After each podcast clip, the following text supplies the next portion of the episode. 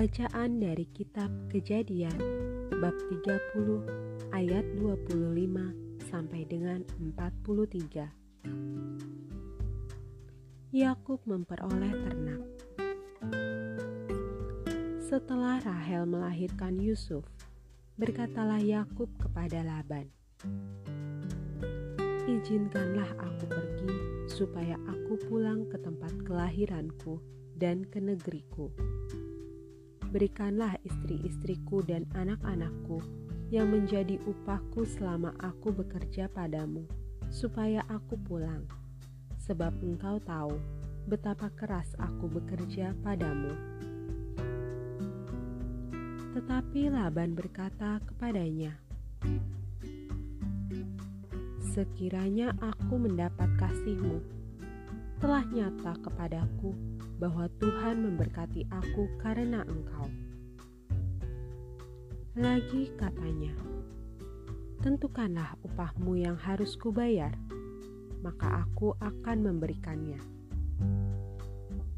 Sahut Yakub kepadanya, Engkau sendiri tahu bagaimana aku bekerja padamu dan bagaimana keadaan ternakmu dalam penjagaanku sebab harta milikmu tidak begitu banyak sebelum aku datang, tetapi sekarang telah berkembang dengan sangat, dan Tuhan telah memberkati engkau sejak aku berada di sini.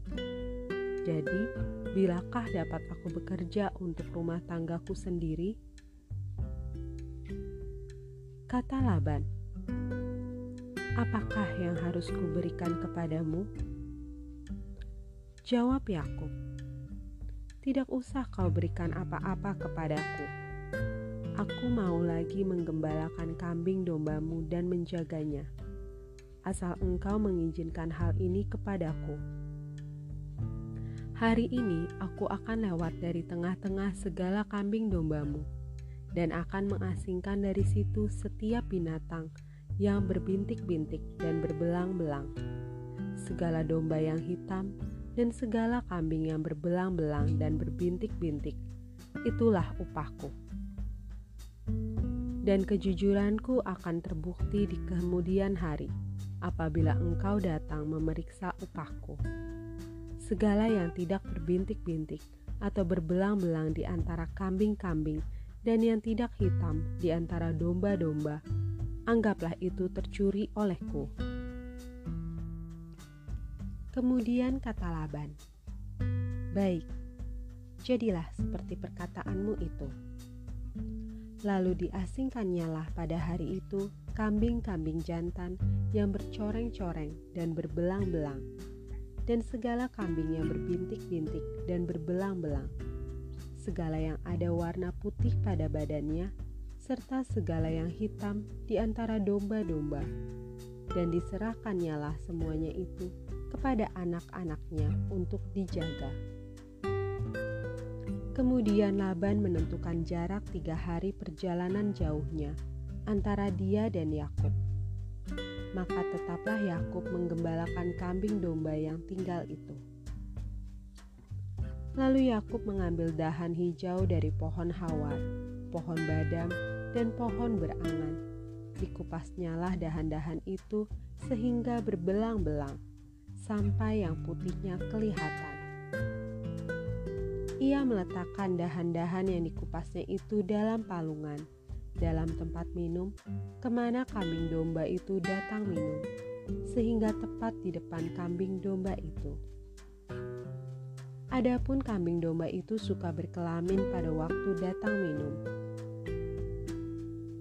Jika kambing domba itu berkelamin dekat dahan-dahan itu, maka anaknya bercoreng-coreng, berbintik-bintik, dan berbelang-belang. Kemudian Yakub memisahkan domba-domba itu. Dihadapkannya kepala-kepala kambing domba itu kepada yang bercoreng-coreng dan kepada segala yang hitam di antara kambing domba Laban.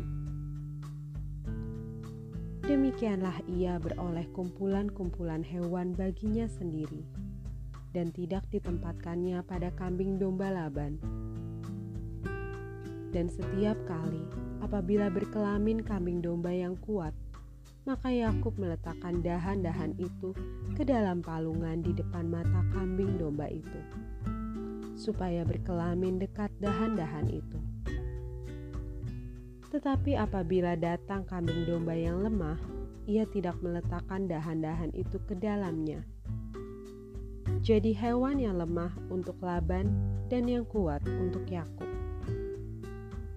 Maka sangatlah bertambah-tambah harta Yakub, dan ia mempunyai banyak kambing domba, budak perempuan, dan laki-laki, unta, dan keledai. Demikianlah sabda Tuhan. Syukur kepada Allah.